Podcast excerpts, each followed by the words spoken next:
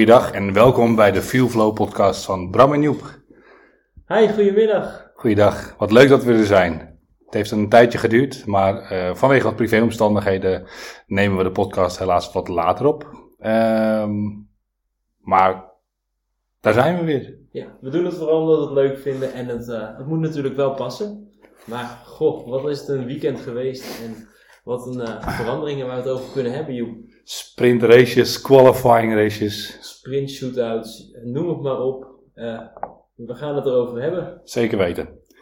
Laten we eerst beginnen met uh, ja, de, een nieuwe invulling van een, een, een speciaal weekend, zoals wij het eigenlijk noemen, de TikTok-generatie weekend. Ja, want wat was er veel content om te volgen. Ik, ik vind er wat van. Ja, ja. Ik, uh, ik heb om me heen gevraagd, ik heb op Twitter zitten kijken en de meningen zijn verdeeld. En om heel eerlijk te zijn, mijn mening is ook verdeeld. Ja, er zitten echt twee kanten aan. Ja, als, als uh, fan, dus wel fanatiek, Formule, Formule 1 liefhebber, vind je het natuurlijk fantastisch om elke dag iets te hebben. Ja. Maar als liefhebber van de Formule 1 zeg ik, um, hou het lekker bij het originele. Echt lekker drie vrije trainingen, een kwalificatie en op zondag een race vol met spektakel. Uh. Ja, nou, daar sluit ik me helemaal bij aan. Ik vind het, het is veel. Ik wil graag mijn best doen om alles te kunnen zien, maar af en toe gaat het op deze manier niet. Op vrijdag begint het al. Je wil misschien nog een vrije training zien. Dan Ja. krijg je de kwalificatie voor de zondag. Dat vond ik al bijzonder. En dan krijg je daarna de sprint shootout, de sprintrace. En dan ga je op zondag weer verder met de kwalificatie die je vrijdag hebt gezien. Ik vind het, ja, ik, ik vond het even te veel.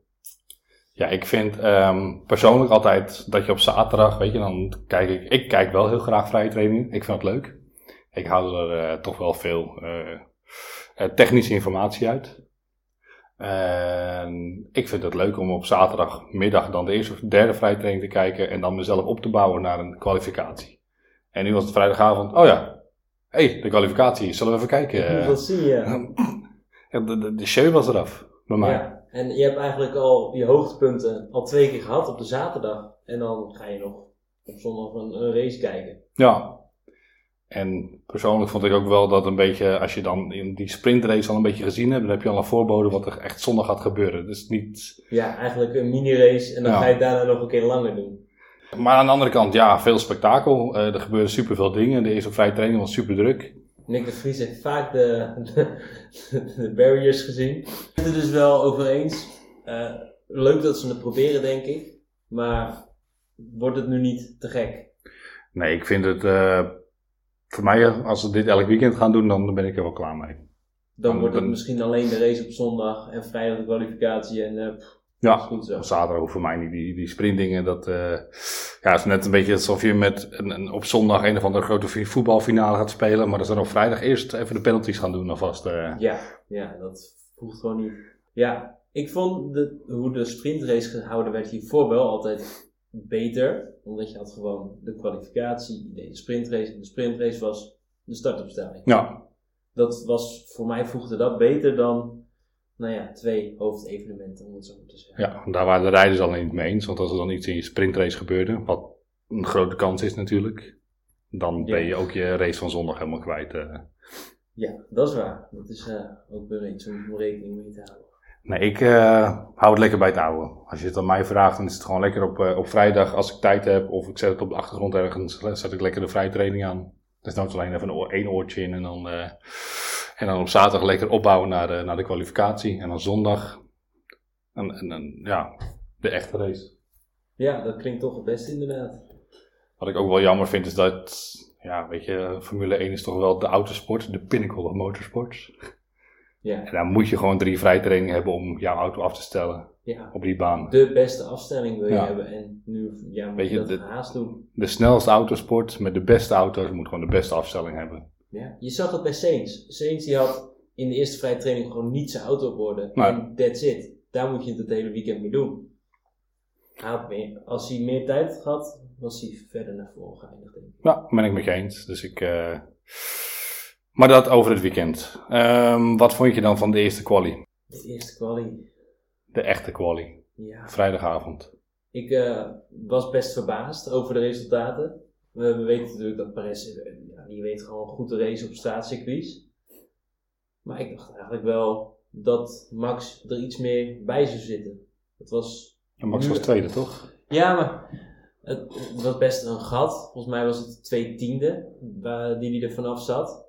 En ja, is dat dan toch een beetje dat durf wat er, eh, wat er niet in zit? Of ja, Max, dat, om dat over Max te zeggen is natuurlijk heel raar dat hij niet durft. Maar ja, het is toch een heel ander soort race. Nee, ik denk, eh, om eerlijk te zijn, ehm, dat het eerder ligt aan de type auto van de Ferrari. De Ferrari- Ferrari-auto is echt een qualify-auto. Ja, dat, dat zeg ik, er is toen uitgelegd volgens mij ehm, waarom die Ferrari zo snel is op, op een one-lap pace. Omdat hij, ehm, nou ja, kan je het misschien beter vergelijken. En eh, als een Ferrari, ik denk dat de Red Bull ook wel zo snel kan. Maar dan, eh, dan, dan moet je inderdaad gewoon heel veel downforce gaan afhalen, wat aero shit er gaan afhalen. En dan zal die waarschijnlijk op één race pace wel beter zijn. Het- alleen de, de Red Bull is beter eh, als totaalplaatje, gaat beter met zijn banden om. Weet je, waardoor je het langer volhoudt. Want voor mij de eerste, eh, als je naar de echte race gaat kijken, de eerste tien ronden zat Leclerc er gewoon bij. Dat was voor mij na de pitstop dat Leclerc in één keer helemaal terug ging vallen. ja, je zag het ook in de kwalificatie. Dat was wel leuk om te zien. eh, van de sprint shootout. De eerste lap die ze deden in de Q3, dus de, de kwalificatie van 8 minuten voor de sprintrace, Ja, hadden ze één ronde gereden. Eén hele snelle ronde. En daarna kwamen ze gewoon niet meer aan hun eigen tijd. Ik vond dat heel interessant. ja. En je zag inderdaad wat jij dan zegt. Bij Ferrari was dat gat iets minder groot naar hun toptijd dan bij Red Bull. Red Bull zat daar wel echt, het, het gat was groter. Ja. beste mij, voor mij maakte Max in de tweede ronde ook een, een behoorlijk groot foutje. Die raakte bijna de wand, toch? is, ik weet niet uit mijn hoofd welke bocht, maar dat. eh, ik, ehm, Oké, nou dat was inderdaad de eerste quali. Ehm, waarbij Charles Leclerc de pole position had. Max Verstappen was tweede en niet kort erachter was eh, Carlos Sainz met voor mij daar weer achter Hamilton. Zoeken we op, maakt ook niet zo heel veel uit meer. De Mercedes waren trouwens wel aardig kleurloos eh, dit hele weekend. eh. Ja, ze Op, reden er een beetje op, op één of twee incidenten na natuurlijk. Mocht je het incident willen zien waar we het over hebben, check onze Instagram pagina. F1 Fuelflow. Het was Leclerc, Verstappen, Perez, Sainz, Hamilton en Alonso. En daarna werd het Norris, Tsunoda, Stroll en Piastri. Vond ik wel leuk. Ja, de laatste. zat er goed bij. Ja, Ze hadden natuurlijk ook eh, afgelopen weekend hadden ze een update pakket, eh, pakket met updates meegenomen. ja, weet je wat het was? Want ik heb er eigenlijk niet zoveel meegekregen. Dat was, als ik het goed heb, een snellere motor, een, krachtigere motor en wat aerodynamica aanpassingen. Maar Maar zij gebruiken een Mercedes motor toch? ja, Dus zij krijgen nou de Mercedes motor die Aston Martin nu daarvoor al kreeg. eh. ja, dat is wel wat ik begrepen heb. Eh corrigeer als ik het fout heb. Nee, nee, ik heb er... eh, ik, ik, ik heb weinig nieuwtjes meegelezen behalve eh, clickbait. Maar ik weet niet wat ze gedaan hebben. Het werkte. Ze zaten er goed bij. Ja, Waar ze eerst niet eens binnen de top 10 kwamen, eh, zaten ze nu allebei in de top 10. In ieder geval in de kwalificatie. check. Oké. We hebben, we hadden een volgorde, maar we doen het gewoon lekker losjes. Laten we even wat nieuws behandelen, Joep. Wat, eh, wat, heb jou, wat is jou opgevallen afgelopen weken? Eh, dat Perez het nog wel erg veel heeft over Melbourne. eh. Ja, het lijkt inderdaad alsof je dat niet kan, eh, kan loslaten, nee. Maar hij heeft het nu laten zien. En Ja. ik hoop dat hij dat dan op een echte racecircuit ook kan laten zien. Want vorig jaar hadden we natuurlijk ook zo'nzelfde soort moment. Hij deed een keer heel goed op een straatcircuit. Zei meteen, I'm back. en eh, nou, daarna ging het toch niet zo heel goed de race erna. Lag hij er volgens mij ook meteen uit. Ik denk prima. Ik eh, vind het helemaal niet erg als Perez wereldkampioen wordt. eh is weer eens wat anders. Ja, Liever helemaal geen Red Bull dit jaar. we zien het gebeuren. Ik denk het niet. Nee, ik zou het wel leuk vinden als de Ferrari weer eens bovenop komt te staan. Ja, toch nog stiekem altijd wel een beetje Ferrari-fan. maar ze zijn niet uitgevallen. Hebben ze de betrouwbaarheid, denk je, verbeterd? Ehm, nee. Of hebben ze hier gewoon voorzichtiger gereisd? Eh, eh, nee. Oké. wat denk je wel, wat het wel was dan, dat ze dit, deze race gewoon weinig problemen hadden? Geen idee. Ik denk, eh, Melbourne had ook niet veel problemen, toch? Ja, behalve dat Leclerc uit was gevallen. eh, door Ja. eigen toedoen. nou ja, eigen toedoen. Hij werd eruit gebeukt. Ja. Maar volgens mij heeft Saints in Melbourne gewoon heel keurig de, de, de finish gehaald. eh. Dat is waar, ja. Dus misschien gaat het sinds twee races eh, wat beter. Ik heb zelf ook nog wat nieuwtjes verzameld waar ik wel eh, enthousiast over werd. En het leukste aan dit nieuwtje vind ik eh, misschien toch het kunnen uitleggen van wat is het nou eigenlijk? Zegt de MGU jou iets, Joep? Jazeker, dat zijn de hybride systemen die op de turbo en de motor en volgens mij ook op de achterremmen zitten. Ja, dat klopt. Eh, sinds een, twee weken is er een besluit gemaakt dat er meer power unit onderdelen gebruikt mogen worden. Dit waren er eerst drie. Onder die power units vielen de motor, de MGU-H en de MGU-K. En de MGU-H is eigenlijk wat er op de motor en de remmen zit, wat mocht er geremd worden, eh, die energie opslaat, terugvoert naar de batterij en dat is ook wat ze zeggen naast de DRS het belangrijkste als je een goede ronde wil neerzetten.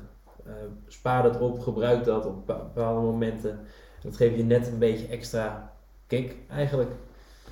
De MGU-K is eigenlijk hetzelfde, alleen deze zit dan weer op de turbo in plaats van de motor en de remmen. Mooi verhaal. Ja, Dat is trouwens ehm, vanwege het feit dat er nu zes sprintraces zijn bijgekomen. En dat de VIA daarvoor heeft gezegd, ehm, ja, weet je, meer races, langere afstanden, eh, meer onderdelen. ja ik vind het fair. Ja, hij moet ook wel nagaan. De sprintrace is een derde van de afstand. Dus als je er zes hebt, heb je er twee, circuit, eh, twee Grand Prix bij. eh. Ja, en nog een extra kwalificatie. En nog een extra kwalificatie, correct. Al moet ik wel heel eerlijk zeggen, ik, ik vond zelf de hele korte kwalificatie iets te hapsnap voor mij. Ja, dat was even te kort op elkaar, eh, weinig tijd. Je kon Ja. er niet lekker inkomen. Ik, eh, en ik, nu ga je zeker weten dat het eerste rondje in plaats van het tweede rondje het succesrondje moet zijn. Want ze kunnen niet naar binnen voor een pitstop te maken, dus ze vreten de banden op voor het eerste rondje, die koelen te veel af. En dan om het tweede rondje in Q3 vol te gaan houden om echt de alle, alle, alle snelste tijd neer te zetten, dat is er gewoon niet. Nee, het is echt, je moet het in je eerste ronde naar buiten doen. Ja, in je was, eerste eh, poging. En anders Pitstraat uitkomen, outlap doen eh, en dan je, je ronde neerzetten. Ja, ik weet niet of ik dat leuk vind. En daarbij komen de specificaties nog dat je bepaalde banden moet gebruiken. Gebruik je ze niet, word je gedisqualificeerd. Ja. Dat- ja, Oh man, wat was dat dan voor... Ja, eh, voor mij heeft eh, Tsunoda en Norris. Norris hebben daar niet bij de Q3 gestaan van de Nee, sprintquali. die mochten niet meer meedoen omdat ze geen nieuwe softbanden, denk ik. Ja, voor mij gaat het verhaal ook dat ze niet meer mee wilden doen. Voor mij waren er een paar teams die zeiden van, ja prima, als we de band niet hebben, doen we dan niet mee, want dan starten we wel voor de tiende plek, want heel veel hoger gaan we toch niet komen. Nee, dan spaar je nog een setje uit. Ik bedoel, je weet wat het topteams zijn, toch? Ik bedoel, Red Bull, Aston Martin, Ferrari en Mercedes. Weet je, die nemen de eerste acht plekken al in beslag. Ja, dus dan is het 9 en 10 inderdaad. Ja, nou ja, prima. Dan start je als tiende in plaats van negende. Wil je trouwens een heel leuk eh, nutteloos feitje horen? De ledverlichting in de wieldoppen is verboden. De teams hadden sinds twee jaar geleden hadden ze de kans om met hun wieldoppen om daar ledpanelen in te zetten. om daar verschillende dingen mee aan te geven. Wat voor eh rondetijden. Nou ja, noem het maar op. En ze konden het erop zetten. Dat was wel vet. Als je dan paars of zo had in de eerste sector, dat je paars, paars, paars. En dat, Ja. Niemand heeft het ooit gebruikt. Het Nee. is nog nooit op een auto gezet, maar het mag niet meer. Dus Nou. we gaan het ook nooit zien. duidelijk. Oh, wat jammer. Dat is wel iets wat ik echt had gemist. eh. Ja, net zoals dat mooie LED-paneeltje bij de McLaren, waarvan je niet eens meer weet dat die er zit als je rijdt. Ik zat eigenlijk te denken aan het ledpaneel zoals ik vroeger op mijn fiets had. eh tussen die spaakjes, al die lampjes had gemaakt. eh. Niet eens een kaart voor het geluid. Ja. Of zo'n toeter erachter voor het geluid. Ander nieuws van eh, nou ja, het meest recente wat ik eh, leuk vond om te lezen en waar ik blij van werd. Adrian Newey. Bijgetekend! Hij heeft bijgetekend inderdaad. Weet je hoe oud die inmiddels is? Nee, dat weet ik niet. Eh, ik ook niet 63, zeg ik even uit mijn hoofd. Ik dacht, je vraagt het omdat je het weet. Nee. Ondertussen pak ik even mijn telefoon erbij. Niks ernstig jongens, ik loop even weg en weer terug. Inderdaad, je hebt het. Correct. 64 jaar oud. Ja. Maar de, de Oh, aerodynamica wizard gaat dus door bij Red Bull. Hoe oud is Helmoet Marco? eh 80 jaar alweer. Hoe lang denk je dat die het nog gaat volhouden? Ik heb geen idee. Ik denk dat dat race zo in zijn bloed zit dat hij niet eh bij tijd stopt. Ik denk Hij dat hij eh, wel tot aan het eind zeg maar, betrokken blijft bij de Formule 1. Voor mij is hij eh, groot pandjeshouder in, eh, in eh, Oostenrijk. heeft hij heel veel land. Oh, dat verbaast me niks. Oké, ik, we gaan van ene toch naar het andere. Ik heb een leuke controverse. Take it away. Ik heb verschillende verhalen gehoord dat Charles Leclerc dit volgend jaar naar Mercedes gaat en dat Lewis Hamilton volgend jaar naar Ferrari toe zal stappen. Oké, Eh, ja, dat is eh, een, een verrassing. En ik vraag me af waarom Leclerc naar Mercedes zou willen. Is er ruzie binnen het team? Eh, Ja, ik weet niet, volgens mij loopt het niet heel erg lekker daar. eh. Volgens mij, ik heb ook al verhalen gehoord dat Carlos Sainz een, stoeltje van Audi aan het aas is. dat het natuurlijk wel pas met 26 ingaat, maar dat hij al aan het nadenken is om dan toch maar die kant op te gaan. Ja, misschien is het toch, eh Het rommelt binnen. Mattia Binotto weg is gegaan, toch eh, niet zo'n goede set geweest. Ja, volgens mij rommelde daarvoor al binnen. En eh, zoals ik in de vorige podcast al zei, ik denk niet dat Binotto weggestuurd is, maar zelf weggegaan is. Ja, Omdat hij het gewoon niet meer naar zijn zin had. of althans, niet meer. ehm, voor mij wou hij een ander bestuur krijgen en heeft hij niet de, de, de, de macht gekregen om een nieuw bestuur aan te stellen. Ja, het is natuurlijk in Italië, waar het Ferrari vandaan komt, is het eh, de Tifosi. Zie je? En daar is het een soort re- religie in plaats van maar een raceje of maar een team. Ja. En ja, moet je net eh, binnen de lijntjes kleuren, denk ik, om het goed te doen. Maar wat ze altijd zeggen, niemand is groter dan Ferrari. Nee, nee zelfs Leclerc niet. eh. Zelfs van Leclerc niet, nee. Maar Leclerc, nou ja, dat was mijn controverse. Andere maar denk je dat hij het echt gaat doen? Want het wordt gespeculeerd, maar we zien het gebeuren. En dan hebben we het over Ferrari gehad. Waarom zou Hamilton weg willen bij Mercedes? Nou, heb je gezien wat voor auto's er rijden?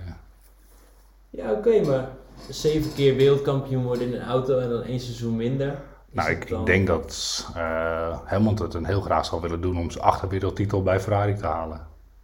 Want die wereldtitel bij Ferrari halen, dat is... Voor motorsport is het de, het puntje van de zalm. Ja, en dan mag je op Dat je in- Italië, denk En ik. dat je in een rode Ferrari nog een wereldkampioenschap hebt gehaald. Dus ik denk dat dat misschien de allerenigste reden zou zijn. Ja, en dan doet hij het, zeg maar, zijn overtreffende trap in Ja. de auto van, waar Schumacher het ook in heeft gedaan. Ja, We gaan het zien, ik ben heel Charles benieuwd. Leclerc naar Mercedes? Ja, ik weet het niet. Dat zeg ik. Het, het, het, het gonst in de wandelgangen, het gerucht. En waar rook is, is vuur, zeggen we. Ja. Wat ik ook laatst hoorde trouwens, is dat Nick de Vries misschien een beetje op de tocht staat. Degene die hem naar binnen hebben gehaald, werkt op dit moment niet meer bij AlphaTauri. Ehm, Degene die voor hem heeft lopen bepleiten dat hij in die auto thuis hoort, die zit daar volgens mij niet meer. Dus nu moet hij het echt op eigen kracht doen. Ja. Ja, ik, eh, dat was mijn volgende controverse eigenlijk. Oh. Eh, nou, maakt niet uit. We lopen een beetje op de feiten voor. We zijn al met de quali begonnen en dan gaan we naar controverse en dan doen we andere dingen weer. Maar ehm, zit Nick van, Nick van de Vries? Oké. Zit Nick de Vries volgend jaar nog in een Alfa Tauri? Als hij eh, niet meer resultaat gaat halen, niet. Nee. Ik, eh, nee, ik denk het ook voor niet. Ik denk eh, eerlijk gezegd, zelfs als hij nu wel resultaten gaat halen, dat het wel over en uit is. eh. Ja. Maar ik denk dat die jongen te veel druk op zich gehad heeft. Dus volgens mij zijn ze in het begin al gelijk van joh, dat hij de, de leider van het team was. En dat hij, eh, dat hij Yuki op sleeptouw moest nemen met alle ervaring die hij had. Ja, en hoe hij zichzelf misschien heeft neergezet, dat is natuurlijk ook altijd een ding. Ja, eh, Formule 2 kampioen, Formule E kampioen, Kartingkampioen. karting kampioen. Wat is nog meer? Kampioen. ja, hij heeft genoeg gewonnen. Dat Zeker. is wat zeker is. Ik vind hem alleen een beetje erg flauwtjes. Als ik hem eh, tijdens de, de interviews hoor, dan is het van ja, ehm, weet niet helemaal waar het aan ligt. Ja, het gaat niet heel goed. En eh, aan de auto. En eh, vorig jaar, hij zette hem toen inderdaad, wat was het, bij de sprintrace in de muur? Nee, dat was bij de quali zette hem in de muur. Sprint shootout en de quali inderdaad. bij de eerste quali zette hem in de muur. hè. Ja, En dan was het van ja, en eh, was een break by wire, wat niet heel, misschien niet helemaal goed was, maar ik moet even aan het team vragen. En, eh, ik, vind, ik vind hem lafjes tijdens interviews. tijdens dit invallen bij Mercedes kwam hij echt over als de man. Ja. En hij ging het wel even doen en eh, geweldig. Iedereen nou, hij kon het niet beter gedaan hebben. En nu dan? Ja, Hij viel in voor eh, Williams, eh, bedoel je die? Ja. oh ja, je hebt gelijk. Excuus. Rectificatie. Rectificatie, invallen voor Williams. Ja, ook toen, ik moet zeggen, ik, ik vind hem lafjes bij interviews. Ik eh, vind hem een, een, een, een, een- eigenlijk gewoon een Latifi. Ja, Zegt- zegt de weinig. kunnen verdwijnen. Zegt weinig, doet niet veel. Het is dat hij Nederlander is dat we het over hem hebben, maar anders hadden we het er niet over. Nee, denk het ook niet. Ja, ik vind hem een beetje kleurloos. Dan eh, gaan we het over de race hebben, Joep. Ik we heb even een, eh, een kort verhaaltje over Baku. Baku is een straatcircuit, normaal gewoon de openbare weg. Wat er dit jaar veranderd is, de DRS-zone is ingekort. En wat vind je daarvan? Het is een trend lijkt wel. Het lijkt wel alsof er steeds meer circuits gedaan worden, wordt om te zorgen dat het spannender wordt. Ehm, ja, ja. Hij was inderdaad 100 meter ingekort, maar dat heeft voor de meeste auto's voor mij geen, echt geen moer uitgemaakt. eh. Nee. Moet ik eerlijk zeggen, als hij 100 meter langer was geweest, dan was het voor een Red Bull en een, een Aston Martin nog veel makkelijker om in te halen. Ik weet niet of jij de inhaalacties gezien hebt. Wat was het, ronde 7 bij eh, Charles? eh? Ja, wat was het verschil? Leclerc reed 309 km per uur op het rechte stuk en Red Bull 340, dacht ja, ik. zoiets ja. Nou, Belachelijk. Maar oké, verder met het circuit. Een één ronde bestaat uit 6,003 kilometer. Het is de baan die de vierste lang is. Vier Langste straatcircuit en de langste, vierde langste baan van, de, van het kalender. Ja, nou ja, precies. Ik kwam er even niet uit, maar bedankt. Maar Eh, nog terug te komen op de DRS. Ik heb er twee meningen over. Ehm, ik vind dat ze soms, ja, je moet wel dingen aanpakken. Kijken of het leuker wordt. Ja, Nou ja, het zijn erachter gekomen. Ik vind het niet leuker geworden. Dus voor mij mag je het wel weer terug veranderen. Of de hele DRS eruit gooien. dan wordt het echt op kwaliteit racen. Ja, ik weet nog, ik keek vroeger altijd eh, A1GP. Ja, En daar hadden ze wel een overtake button. Die hebben ze volgens mij nu ook wel. Maar dan een echt overtake button. Daar krijg je er 20 van in de race. En die mag je dan uit. Dan krijg je 20 pk meer. Een soort van DRS. Maar dan mag je hem zelf uitkiezen. oké. Ja, dat is wel. En dan kreeg, wel leuk. dan kreeg je hem ook maar 20 keer.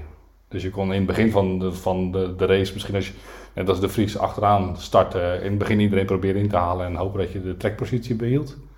Of er slim mee omgaan. eh. Ja, op de momenten dat het eh, telt. Ik denk dat ik dat een leuker systeem vind. eh. Ze zijn zoveel aan het proberen. Probeer het eens een weekend, zou ik zeggen. Ja, We racen op Baku sinds 2016. En wie, wie heeft de baan ontworpen, Joep? Tielke? Uiteraard, Herman Tielke. Naast het eh, geweldige ontwerp van Herman Tielke was er in het begin wel wat leuks aan. Nou ja, leuks. Eh, er was wat mis met de baan. Weet je toevallig wat het is? Eh, ik weet alleen putdekkels die niet goed dicht zaten ooit, maar eh, Ook inderdaad, ja. dat is één van, één van de twee. En wat ik heel interessant vond, en dat was het enige man-made wat nou ja, fout was gedaan. Aan de putdeksels hebben ze gewoon niks gedaan. eh, is de bouten waarmee de curbs werden vastgezet, zijn niet ver genoeg in de grond geboord. Waardoor ze uitstaken en er lekke banden kwamen. Nou, als je dat hoort, dan ga je op een klappen. Ik, eh, ik snap niet hoe dat in zo'n dure sport, hoe dat kan. De koningsklasse, alles wordt dichtgetimmerd met procedures, eh, Ja, maar wat je, camera's. je denkt toch niet dat de mensen gaan invliegen, eh, specialisten om dat te doen. Dan wordt gewoon de beunhuis om Luc ingehuurd. eh. Ik snap dat ze dat doen, maar ik snap niet dat ze doen. Ja, ja, ik zou zeggen, Formule 1 is dan een autosportfederatie en weet niet zo heel veel van bouwen. Of, eh, Nee, dat, eh, dat blijkt maar weer. ik hoorde nu ook al van mensen dat ze in Monaco nu ook al bezig zijn. eh. Monaco is twee maanden opbouwen, een race, twee maanden afbouwen. Ja, het is bizar, ligt gewoon de hele stad verplat. Maar niemand vindt het erg, want het is gewoon een ding. Iedereen En- vindt het leuk. En aan de andere kant, de helft van de mensen die er wonen, die reizen zelf mee. Dus Ja, heel veel coureurs wonen daar, toch? iedereen volgens mij. Zelfs Ah nee, eh, Tsunoda die woont natuurlijk nu in Italië. Maar eh, Charles woont er, Max woont er, volgens mij Perez. Nee, Perez woont er niet. Eh Ricciardo woonde er. Ja, heel veel. Ja, over Ricardo gesproken. Ze zijn echt heel erg aan het hinten op dat hij terugkomt. Ja, ik denk dat hij terugkomt in een Alfa Tauri. Op het plekje van eh, Nick de Vries. Dan kan hij zichzelf wel weer een beetje omhoog werken. Dat lijkt me wat. En eh, ah, het grote nieuws en nieuws. Er is een bod gedaan op Alfa Tauri voor 800 miljoen euro. Door wie? Weten ze niet. Ehm, ik heb een kleine gok en ik denk dat het Andretti Racing in met Chevrolet. eh was het Chevrolet die met het eh, Andretti Racing meegaan? Ja, ja. nee, General Motors. Maar daar valt Chevrolet onder. General Motors en Michael Andretti hebben 800 miljoen euro geboden. En dat bod is afgewezen omdat het te laag was. Schijnt. Voor een team wat op dit moment niet echt presteert, bizar. Ja. Kijk, als ze nou echt eh, in de top 10 stonden en elke keer punten pakten, had ik gezegd: Oké, je, je bent het waard. En 800 miljoen, dat ga je dit jaar ook verdienen met alle punten die je nog kan halen. Maar nu niet. Nou. Maar ja, er zitten natuurlijk twee mil- miljardairs achter, hè, dus Misschien wordt het meer. ja. Als Stroll had ook genoeg geld in zijn eentje, dan moeten twee mannen het samen toch ook Ja, maar Racing Point, eh, of terwijl eh, eh, Force India stond. De eigenaar van Force India moest de gevangenis in en werd failliet verklaard. dus die moest het verkopen. Die, die heeft het gedwongen moeten verkopen. Oh, dus dat is een koopje. Er waren drie kapers op de kust, waarvan Lance Stroll er eentje van was. Lawrence Stroll er eentje van was. Ja. Lens, eh, die doet alleen wat papa zegt. En voor mij heeft hij ook maar één derde deel aandeel in het team hoor. Voor Ja. mij runt hij niet alleen. eh, Maar dan heeft hij wel eh meerderheidsaandeel, zeg maar. Zoiets. Dan is zijn die andere delen waarschijnlijk onder meer man verdeeld. Als hij het voor het zeggen heeft. Geen idee. Moeten we eens een keertje uitzoeken. Maar volgens mij onder een paar rijke... ook meer. Volgens mij heeft hij ook de... de, de, de welke heeft hij op het, de auto staan als sponsor? Aramco? Ja. Maar is Aramco ook een, een investeerder daarvan? Ramco sponsort echt volgens mij de hele Formule 1 met elkaar. Ja, zeker. Vandaar dat ze ook waarschijnlijk niet elektrisch gaan rijden. Nee, dat denk ik ook niet, nee. Eh, wat is het? Hm? Cogisant, Aramco. Allemaal sponsoren van Pe- Peroni. Maar fijn, we gaan door. Zullen we het over de race gaan hebben? Laten we beginnen met de start. Wil je nog iets zeggen over de, de sprintrace? Of is eigenlijk het enige, het allerleukste is de, de, de eerste drie bochten en het laatste wat ooit op de startgrid nog gezegd is eh, tegen Max en, eh, en Russell. eh. startgrid, ik bedoel in de pitstraat. Ja, het, het was bijzonder. Er staat ook een filmpje op onze Instagram, haha, plug, eh, over het racen met ellebogen en welke beste man dat heeft uh, nou ja, geperfectioneerd. dat is Max. En dan ja, snap ik zijn reactie aan de ene kant wel. Want kijk, het is niet één touché geweest, het zijn er gewoon drie. Ze hebben elkaar drie keer geraakt. Ja, maar bij de eerste lag Max er wel voor. Voor mij bij de tweede bocht hebben ze elkaar echt getoucheerd. En bij de derde bocht had Max moeten inhouden, want toen was hij al gewoon niet meer. Oké. Okay. En aan de andere kant, Max heeft in de persconferentie wel gezegd dat hij niet fan was van de sprintrace. En dat hij zegt van ik ga liever uh, punthuizen weg dan mijn auto beschadigen. Ja, heeft hij dat gedaan, vind jij? Uh, nee, hij had gewoon kunnen remmen. Kijk, Russell deed gewoon een do or die, hè? Ja, die weinig te verliezen. Ik wou net zeggen, die wist dat hij met de grote race dat hij ergens op de elfde plek zou starten volgens mij. Ja. Uh, ja, weet je, als je een camp aanbaant uh, en jezelf een racewinnaar baant en denkt dat je de allerbeste op het circuit bent, dan ga je ervoor. Ja, en dan gaan mensen er ook voor om jou nog, nou ja, tegendeel te bewijzen. En niet heel erg bedoeld, maar volgens mij was het ooit in Oostenrijk dat Max Verstappen met zijn ellebogen Charles Leclerc de baan uitstoten en daar de race won. Uh. Ja, dus uh, hij heeft het zelf ook vaak genoeg gedaan. Ik wou het zeggen, een typisch race incident, wat mij betreft. Nee, ben ik het helemaal mee eens. Dan gaan we naar de race. De start, eigenlijk heel gewoon. Heel gewoontjes. Iedereen had volgens mij voor zichzelf bedacht van, houden het heel, we houden het netjes. Er is gewoon in de eerste bocht niks gebeurd. Oké, het begin van de race. Maar ja, eigenlijk heel straightforward. Uh, ze gingen van start. De eerste bocht. Iedereen kwam er doorheen eigenlijk. Geen gekkigheid. Ongeschonden. Ja. En volgens mij heel snel daarna uh, is uh, Tsunoda is zijn band verloren. En hadden we een virtual safety car meteen ja. al. Oh, dat was ook nog een mooie. Dat zie je het Tsunoda de pits komen binnenkomen.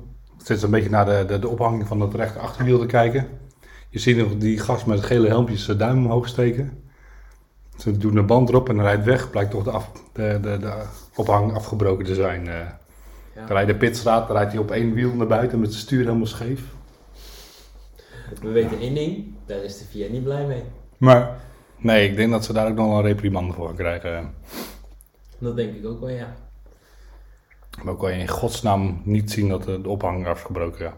Aan de andere kant, het kan natuurlijk zo zijn op het moment dat hij de jack naar beneden gooit. Dus dat die auto weer op zijn achterband klapt. Extra doorslaat. Dat hij toen kapot gegaan is. Uh. Ja, het zijn natuurlijk niet hele zware auto's, maar het is ook geen kilootje. Het is. Uh, nee, en het, ja, als het net op afbreken staat en het krijgt nog een extra duwtje. Dan uh, is het klaar. Nou ja, in, in ronde 5 was dat hele debakel verholpen, was de band weer van de baan. En gingen we weer racen. Jee. Oh ja, mij kwamen er tijdens Yuki nog wel wat mensen met uh, gele banden uh, de pitstraat in om een uh, harde band te halen. Ja, die dachten, nou ja, we rijden meteen maar uit. Wat ik trouwens wel heel knap vind, is volgens mij Ocon, die heeft de hele race op de harde band gereden. Ja, och, Ocon-incident. Gaan we het er nu over hebben of doen we dat nee, later? Nee, nee, nee, nee, okay. nee, dat houden we lekker voor het einde van de race. Dat is precies in de laatste ronde gebeurd, dus houden we ook wel lekker voor het einde van de race. Oké, okay, nou ja, in ronde 5, wat gebeurde er nog meer? Alonso ging voorbij aan Hamilton. Ja, mooie actie. Die was uh, toen uh, zesde, als ik het goed heb. En, maar ja, ik moet heel eerlijk zijn, volgens mij hebben we het er net ook al even over gehad. Het was niet een hele spannende race. Ik uh, vond het denk ik de saaiste race die ik de afgelopen vijf jaar gezien heb. Ja. Nou Daarvoor ja, gaat mijn herinnering niet meer dus. Nee, het erin en eruit elk seizoen. Nou wat mij nog meer wel opviel, vond ik, Verstappen ging natuurlijk heel snel voorbij aan Leclerc. Met dat grote verschil van 309 en 340 km per uur. Belachelijk. En dan was er volgens mij ook nog, was net toen de DRS gebruikt mocht worden. In de, de ronde ervoor kwam hij al wel echt flink dichterbij gewoon zonder DRS had hij er de, de ronde daarna ook langs gegaan. Ja, want volgens mij, uh, dat kon je zien, twee ronden daarna had Perez nog geen DRS. En toen kwam hij er ook al bijna langs, zei uh. Ja, wel wat moeizamer, maar hij kwam er gewoon voorbij. Ja, nou ja, de, de keer dat hij er moeizaam voorbij kwam, had hij nog geen DRS. Oké. Okay. Maar toen kwam hij er al bijna voorbij. En de ronde daarna kwam hij er, pardon, fluitend voorbij. Ja. Met DRS. Ik moet je wel even toegeven, als die DRS-zone inderdaad 100 meter langer was geweest, dan... Uh, was het echt een eitje geweest. Ik het was nu al een eitje. Max zette hem voorbij Charles Leclerc. Hij ging er achterlangs, ging er voorbij, zette hem er weer voor en ging de bocht door. Uh. Alsof het niks was. Ja. Perez Ja. is geen inhaler, maar dit ging wel goed. Nou, ik denk dat Charles Leclerc gewoon even ge- gezwaaid heeft. En ik van, ik zie jullie over 71 rondes wel weer. Ja, eh, dat is ook wel een goede keuze denk ik van eh, Leclerc. Want hij kan gaan lopen racen alsof, het, eh, alsof alles ervan afhangt, maar dan krijg je niks. Joh, je wordt met 30 km per uur wordt je ingehaald. eh. Maar trouwens, wat ik me bedenk, volgens mij is alle keren dat ze uit zijn gevallen, is als Leclerc heeft moeten pushen om of Verstappen in te halen of te verdedigen. Dus ik denk ook dat hij daar wel een keuze heeft gemaakt hoor. Nu van eh Lelo en eh hou het heel, hou het hou het heel. Zorg dat het dit keer wel aan het einde van de, de, de finishlijn komt. Ja, Toen was het voor mij ronde 10, zeg ik uit mijn hoofd.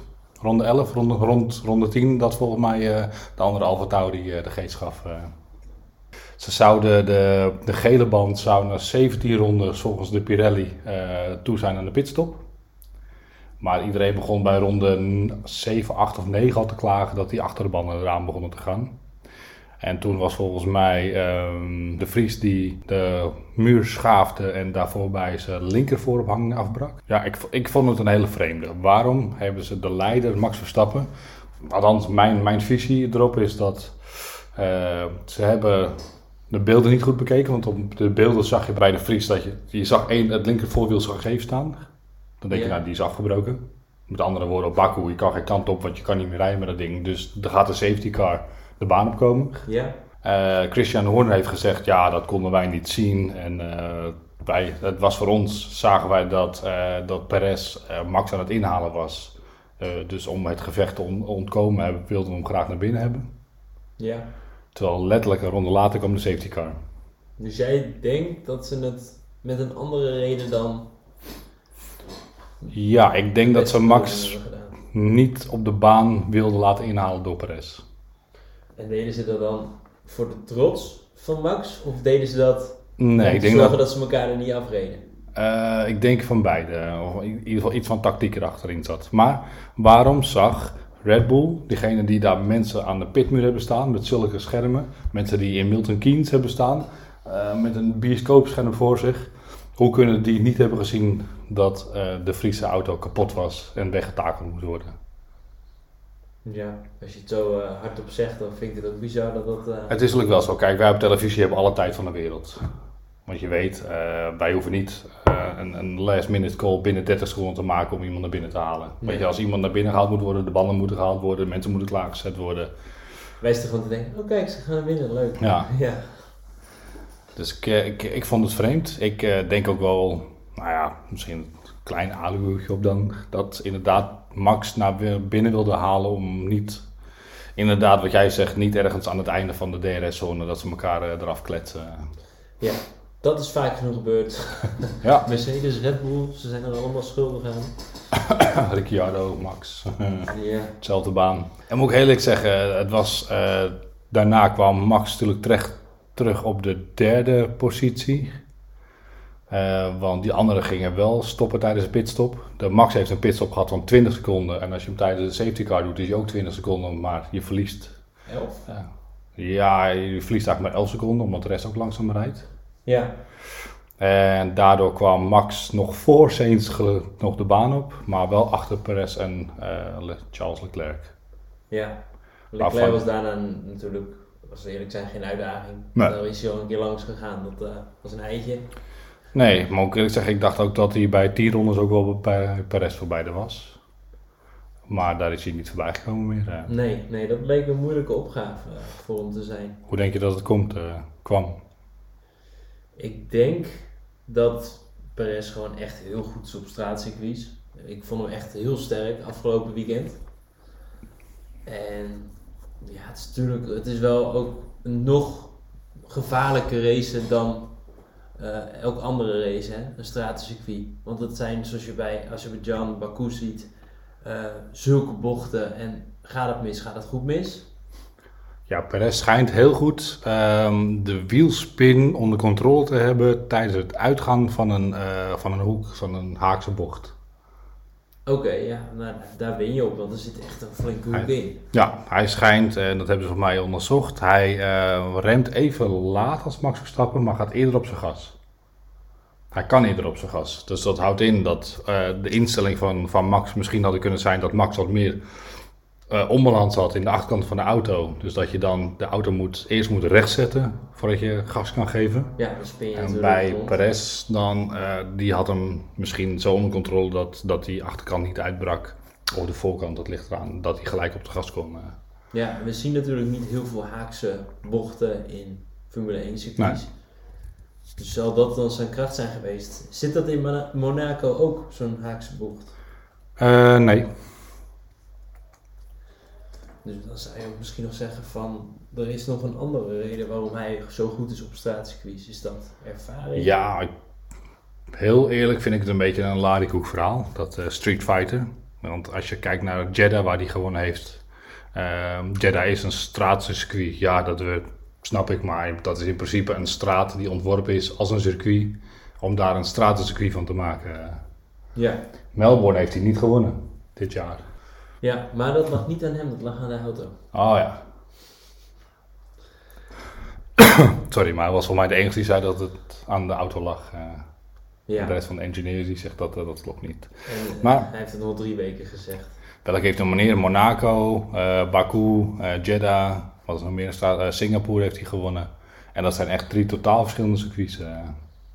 Ja, maar dus- volgens mij Singapore en Baku misschien nog een beetje vergelijkbaar zijn met elkaar. Maar is het dan, moeten we het dan misschien omdraaien? Is het dan niet dat Perez zo goed is in stratencircuits, maar is Verstappen misschien gewoon... Nee, Hmm. Perez heel goed is, niet heel goed is in stratencircuits, maar Verstappen heel slecht. Ja, misschien kan dat wel zijn.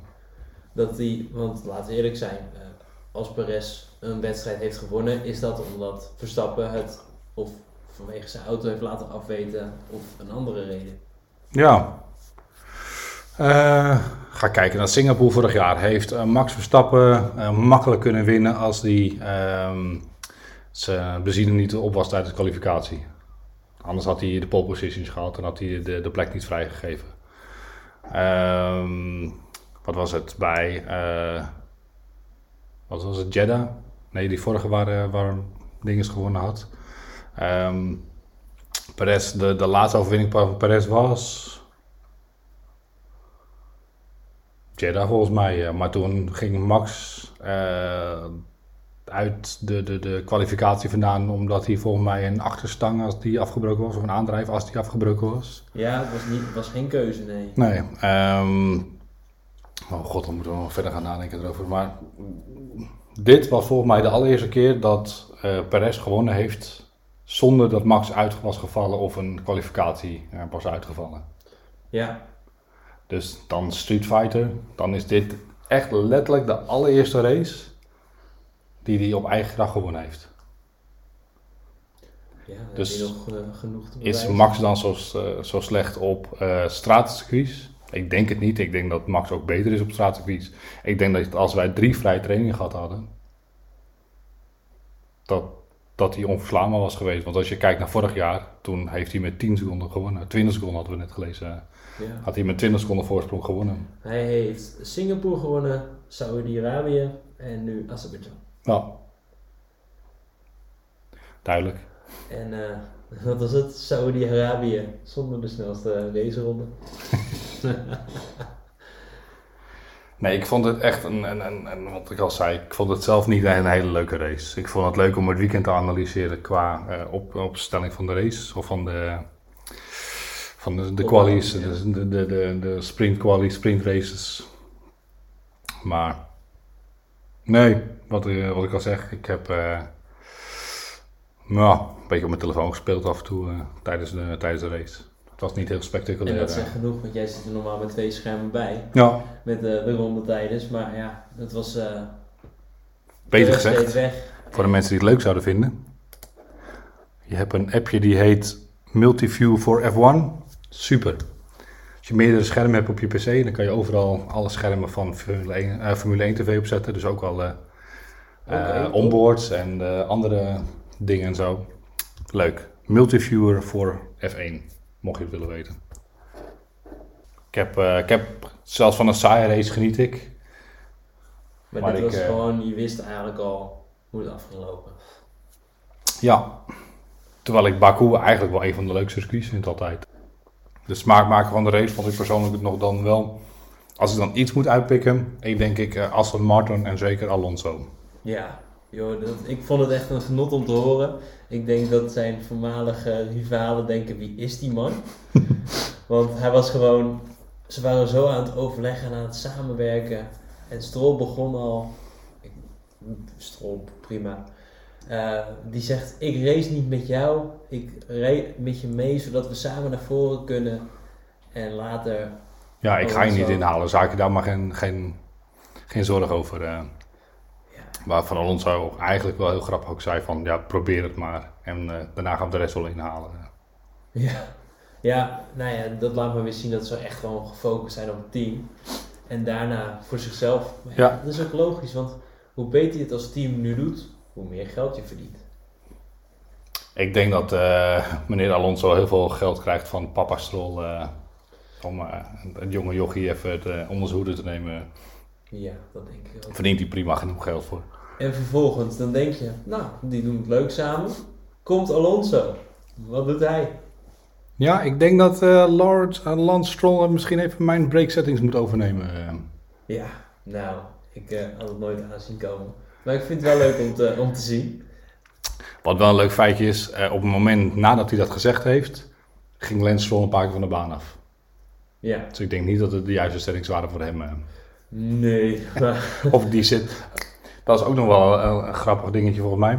Eh, ergens aan het einde van de race, ronde 50, zag je opeens dat Max Verstappen, om niet terug te gaan naar de Max Verstappen podcast, van 1,4 seconden achter Perez, dat hij in één keer naar 3 seconden ja, achter Perez ging. als hij nog even aan het pushen was. Nee, eh, Max maakte een foutje omdat hij op zijn stuur stond te kijken. Oh, meen je? ja, Want dat merkte ik wel aan het voor mij schoot hij aan bocht 1 eh, schoot hij eruit, omdat hij op een dingetje op zijn stuur aan het corrigeren was. Maar bedoel je, je, je zei Max, volgens mij bedoel je Perez toch? Nee, Max? Want Perez maakte ook nog een fout waardoor hij wel weer dichterbij kwam. Ja, maar dat was later weer. Maar dan kwam hij weer terug naar 2,5 of zo. eh. Ja, ook niet eh, overtuigend. Oké, terug naar eh Aston Martin. Ja, ik vind het een leuk team. Ik, ik heb, voor mij hebben ze de gunfactor. Ja, de Weet je- underdog. Ja, ik vind het leuk. Weet je, als zo'n, eh, wat, wat vroeger een klein team was, wat nu wel redelijk groot aan het worden is. Eh, vorig jaar nog stijf achteraan reed. Nu eh, gewoon de, de drie of de vier naar beste is. eh. Ja, boven Mercedes eindigt vaak. hoe ver staan ze in het eh, kampioenschap? Staan ze nog steeds als tweede? Ze staan als tweede. Ja. We staan aan kop met Red Bull Racing met 180 punten. Jezus. Daarna, oh nee, zeg ik het. Jawel. Daarna komt Aston Martin 87, Ferrari 76 en dan komt McLaren met 14 punten. Wat is het gat groot.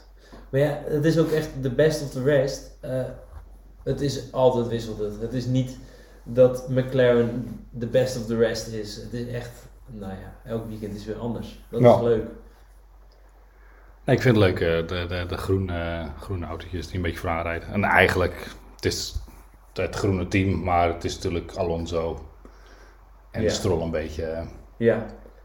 En nu we het toch over McLaren hebben, wie staat daaronder? Alpine. Laten we het over Alpine hebben. Het ging goed dit weekend. wanneer? Op de- in de allerlaatste ronde. Nou, Ja. ze rijden de hele race rijden ze fenomenaal. Ze zijn door die vroege eh, stop, door het uitvallen van Tsunoda, naar hard gegaan. Zijn Nee. Nee, ze zijn doorgereden. Ze zijn begonnen op hard en zijn doorgereden. Waardoor ze in de top 10, volgens mij waren ze negende, Ja, stonden ze. En ze moesten nog pitten. En wat gebeurt er? Ze gaan één ronde voor het eind niet naar binnen. En de regels waren volgens mij zo aangepast dat het niet meer mag als je gaat finishen. Of zeg ik dat verkeerd? moet ik eerlijk zeggen, dat weet ik niet. Ik weet ooit één keer, eh, dat is uit het ver verleden, dat, ehm, dat er ook een pitstop gemaakt moest worden. Eh, maar ehm, dat er Schumacher... Albon, toch? Huh? Albon heeft het laatst ook nog gedaan. Oh, geen idee, maar Schu- Schumacher heeft ooit een keer zo'n race gewonnen. eh, omdat hij erachter kwam dat eh, ehm, dat je dus een pitstop moest maken. Maar dat deed hij dan op de allerlaatste ronde, zodat hij dan die pitstop had gemaakt. En dat hij net voordat hij die pitstop zou maken over de finish kwam. eh, in de pitstraat. eh. Ik weet even niet meer wanneer. Ehm, maar dat is een gra- grappig feitje. Maar, Oh, nog grappig feitje is dat ooit een keer Senna een race gewonnen heeft. Omdat hij erachter kwam dat als jij door de pitstraat reed, de, de, de, de baan korter was. Ja, ja, dat is, eh, dan heb je dus eigenlijk niet de totale afstand die je moest rijden gereden, Nee. maar wel gewonnen. Nee, die moest toen een keer binnenkomen voor nieuwe banden. Maar die stonden toen niet klaar. Dus toen moest hij van zijn team, die zei, rij maar door. Ja, En toen kwam je dus achter. Toen was het vroeger nog zo dat de pitstraat ook geen limiter had. Dus iedereen eh, die knalde hem gewoon door de pitstraat heen. eh. dat is echt het wilde westen. dat was echt het wilde westen. En die was toen achtergekomen van... Hé, hey, mijn rondetijden zijn korter als ik gewoon door de pitstraat heen rijd. Eh. En dan bleef je gaan. Ja, elke ronde bleef je, kwam je de pitstraat weer in en ging je door. Want toen was er de pitstraat dat je dan aan het circuit eruit kwam. En dat je dan zeg maar een stukje afsneed en dan het circuit weer opkwam. eh. Je pakte als het ware de binnenbocht. Ja. ja. Ja. nou, wel heel slim. Maar, oké, dat was nog niet eens het opmerkelijke. Dat hij in de allerlaatste ronde zijn pitstop deed. Het stond al vol. Ja, De pitstraat stond vol. met mensen die het podium wilden fotograferen. Ja, Heb je de onboard gezien? eh? Angst aan je jagen lijkt me het. ik mag net zeggen, man, helemaal. Die, die gast komt natuurlijk met iets van 320 aan. Nou, snel voor de pitlimiter, dan nog 60 of 80 is er daar volgens mij. Ja, 80 dacht ik inderdaad. 80 voor mij bij Baku. Nou, belachelijk. Het had heel anders af kunnen lopen. Dit had echt enorm fout kunnen gaan. Ik wou net zeggen, ik heb de onboard gezien en er sprong letterlijk nog iemand voor hem weg. En ik moet eerlijk zeggen dat ik er niet enorm veel meer over gehoord heb. Het is een beetje onder het tapijt geveegd. lijkt Ja, de. FIA is op het matje, de, de, de hoofd van de FIA is op het matje gekomen bij de stewards van de FIA. En that's it. Dus dat is Dus, net eh, als dat. Oké, dat vind ik heel bijzonder. Maar Dus dat zal ongeveer zo gaan gaan. Komen we even hier naartoe, ja? Wat is hier gebeurd? Ja, nee, sorry. ehm, de, de, de, de baanmarshals die hebben de baan al opengegooid, weet je, de hek is weggezet. En ehm, hadden eigenlijk niet verwacht dat er nog iemand achteraan kwam. Want om heel eerlijk te zijn, Alcon reed super ver achteraan. Hè? ja, Omdat hij al een paar keer binnen was gehaald. Voor mij reed hij echt een seconde of 20, 30 reed hij achteraan. Dus eigenlijk had niemand meer verwacht dat hij, ehm, eh, dat hij nog binnen zou komen. nee. Nou ja, gelukkig is het goed gegaan. En hopen dat zoiets niet meer gebeurt. Nee, dus ze zou hebben gehad. Niet meer doen. Oké, gaan we niet meer doen. Ging niet goed, hè? Nee. Wij van WC Eend adviseren WC Eend. ja, precies. Nou ja, en dan hebben we gewoon weer geluk, hè. Gaan we komend weekend weer lekker racen. En waar gaan we heen? Miami. Jee, Krijgen we weer nep, nep zee met boten erop. het is nu echt water geworden. Echt Ja, ze zijn bezig met echt water. upgrades. En als je dat wilt laten zien, dan ga je naar onze socials. Oftewel Instagram, F1 Fuelflow. Jee. Dus we gaan weer lekker racen. Het is eh, om, vanwege het bijzondere tijdverschil wel laat op de avond allemaal. Ik meen dat het, de race om half tien begint. Dan zal de kwalificatie ook wel rond die tijd eh, zijn. Ik dacht half elf, maar half tien kan ook. Ik, eh, ik heb er wel zin in. Ik Ja. vond Miami vorig jaar ook wel een matig circuitje. Het was een niet heel bijzonder, Ze maakten er wel een enorm spektakel van. Dat is één ding wat zeker was. maar we gaan natuurlijk wel lekker een tripleheader krijgen.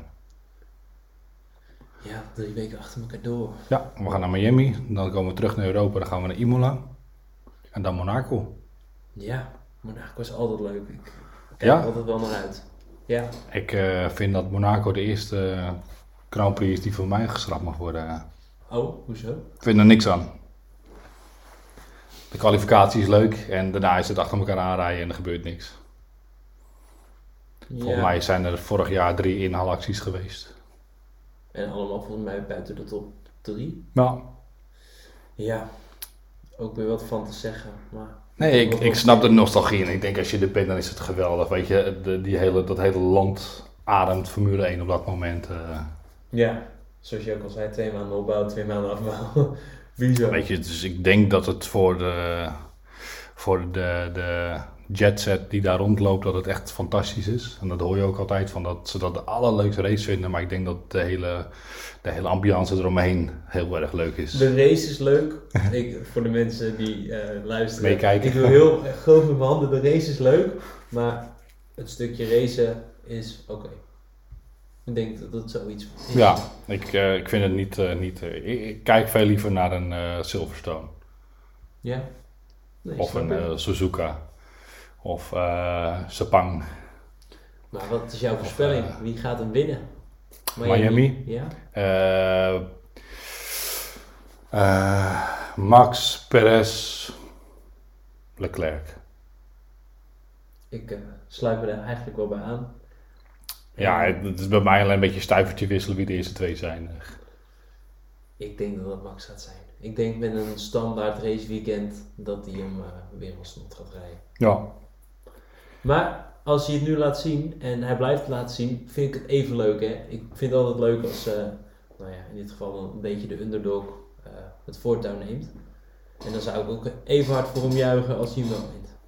ja nou, ik, eh, ik, ik hou er wel van. Maar ik al zei, ik, ik hoop dat hij wereldkampioen wordt. Ik zou het niet leuk vinden om Max Verstappen de aankomende zeven jaar achter elkaar dominantie te hebben. Ja, Weet je, het is leuk omdat je Nederlander bent. Ik zal ik niet weten waarom, want voor mij is Max hartstikke Belg. Maar... Ehm, ja, en, en het liefst eh, dit jaar Perez, volgend jaar Alonso, daarna Charles en dan Sainz. ja En ik dacht eigenlijk toen ik topjaren. de, de, wintertesten zag, dacht ik een beetje, nou, Mercedes gaat meedoen, Ferrari gaat meedoen, Aston Martin. Het wordt, zoals jij dan mooi zegt, stuivertje wisselen met Ja, eh, elke week iemand anders die uitblinkt. Maar fantastisch. het is niet helemaal gegaan zoals we hadden gehoopt. Eh, helemaal niet. Nee, ik, eh, ja, we hebben nu de Red Bull dominantie en ik hoop niet dat die eh, acht jaar gaat duren. Dan gaat hij wel het record breken. Zoiets. Ja, zou je denken? Wat, ik denk dat Max er het geduld niet voor heeft om... De volgende controverse. Iedereen zegt dat hij gaat stoppen, dat hij gaat retiren. Dat gaat hij pas doen zodra het voor hem echt niet meer interessant en leuk is. Ik denk Maar- zolang het nu een beetje gaat zoals het nu is, dat het echt wel, eh, dat hij blijft. Ik eh, weet wat hij ooit in een interview gezegd heeft. Hij zegt, ik eh, blijf rijden tot mijn contract. Dus dat is tot en met 2028. Hij zegt, dan ben ik 31 jaar oud. Hij zegt, als ik het niet meer leuk vind, dan stop ik. En als ik het wel leuk vind, dan ga ik door. Maar hij dit wordt, in, doel al behaald. dit wordt in de media natuurlijk helemaal opgestretched naar, ik stop. Ja. Hij heeft alleen gezegd, ik heb een contract tot 28, eh, 2028 en daarna zie ik het wel. ja, maar jij kan toch nu ook nog niet voor je baan zeggen van ik blijf tot eh, die tijd te werken. Eh, Ja, maar dat- Je werkt ergens zolang je het leuk vindt en als je het niet meer leuk vindt, dan moet je... eh, En ik snap ook wel, met topsport is dat nog veel anders natuurlijk. eh. weet je, wat Max ook zegt, van, hij zegt, Formule 1 is mijn leven, maar daarnaast zijn ook nog zoveel leuke dingen om te doen. En hij zegt, om, als ik Formule 1 doe, kan ik de rest sowieso niet doen. precies. Dus misschien eh, heeft hij dan wel andere interesses. Ja, kindje op komst, trouwen, eh, andere races doen. En joh, als hij 2028, met 2028, hij verdient 50 miljoen per jaar alleen als salaris. Voor het geld hoeft hij niet meer door. Ik wou net zeggen, dan is hij multimiljonair. eh. En dan is 50 miljoen is zijn salaris, hè? Dan Ja. je nog eens wat, word je nog eens wereldkampioen. Nou, sponsordeeltjes her en der. Eh, je merchandise. Ja. volgens mij krijgt hij net zoveel aan zijn merchandise als dat hij aan salaris krijgt. Dat geloof ik meteen inderdaad. nou ja, ik bedoel, dan moet hij het nog wel verdelen onder drie mensen. Want volgens mij krijgt zijn pa krijgt wat en zijn manager krijgt wat. En andere mensen zullen ook nog wat krijgen. Ja, er blijft genoeg over. Hou op man. Verdien je 80 miljoen per jaar. eh. Jezus. Met andere woorden, het- het- het- bij Max Verstappen is het letterlijk zo dat als hij een miljoen verliest, dat hij er bij zichzelf na denken. Oh, maar volgende week heb ik het weer. Ja, maar wat ik ook nog, wat ik zit me nu te bedenken. Het Als- is leuk, je kan zoveel verdienen. Maar als je in de Formule 1 meedoet, heb je zo weinig vrije tijd. Je kunt het niet eens uitgeven. Nou ja, dan denk ik dat hij op zijn 31ste zegt van... Ik heb nu heel veel geld, ik ben nu nog lekker jong. En ik stop ermee, want met de Formule 1 heb ik toch al alles behaald. eh. Ja, Ik denk dat hij eh, voor die tijd nog wel twee keer wereldkampioen geworden is. ik denk het ook wel inderdaad. Als het, eh, Dus dan heeft hij de vier op zijn naam staan. Dan ben je niet de grootste van de grootste, want dat zijn er zeven. Maar je hoort bij de toppers. eh. Misschien moeten we ja, ons daar ook niet op blind gaan staren. En dat gewoon lekker bij Schumacher laten. Ik wou net zeggen, als jij, als jij denkt aan de grootste Formule 1 coureur aller tijden, dan wie schiet er bij je naar boven? Oké, Schumacher. die heeft het zeven. De allergrootste. Senna, Ja, ja. Ik heb, die is wel overleden, maar die had er ook maar vier. Maar, vier. Fangio, die had er voor mij ook maar vier of zo. Ja, Gaan we heel terug in de tijd. precies. Maar ik, eh, ik heb genoten. Ik heb heel veel zin in Miami. Jee. Ik eh, denk dat Max hem weer gaat winnen. Dat denk ik ook wel. Dat was het voor deze week, denk ik. Gekke huis. Ik eh, denk we gaan een half uurtje opnemen zo'n saai race. En we hebben dik een uur opgenomen. Bedankt voor het luisteren allemaal. En tot volgende week.